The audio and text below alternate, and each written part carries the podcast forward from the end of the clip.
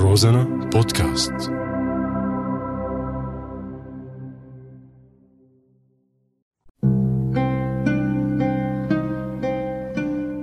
بعدك على بالي. بعدك على بالي.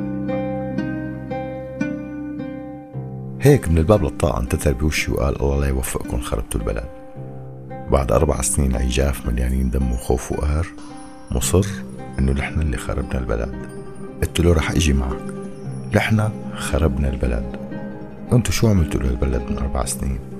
شو طورتوا؟ شو أنجزتوا؟ وكيف تعاملتوا مع المؤامرة؟ قام صفعا سكت.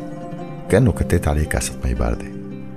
ورجيته كم صورة للبسطار اللي صار رمز ومصدر للتفاخر. قلت له هيك ثقافة. شو ممكن تعمل للبلد؟ شو ممكن تعمل بأجيال البلد اللي عم تربى وتكبر بقلب البلد وبقلب الحرب؟ شو بدي أقول لابني إذا سألني عن الممثل الفلاني يلي بحبه؟ وهو شايفه عم يوطي ليبوس الصباط ولا عن الإعلامية الفلانية اللي جاية تعلمنا الوطنية من بلد عربي شقيق وعم بتبوس الصباط على الكاميرا وقدام الناس.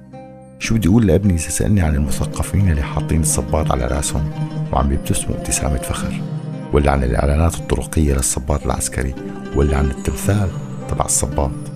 كيف بدي أشرح لابني شو يعني فخر وشو يعني عزة وشو يعني كرامة؟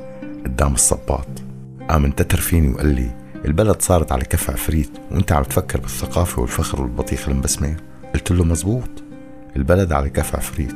من أربع سنين البلد على كف عفريت وكانت بحضن العفريت أربعين سنة. بس يلي ما بيشوف من الغربال. أعمى. شايفني؟ مو شايفني. بعدك على بالي.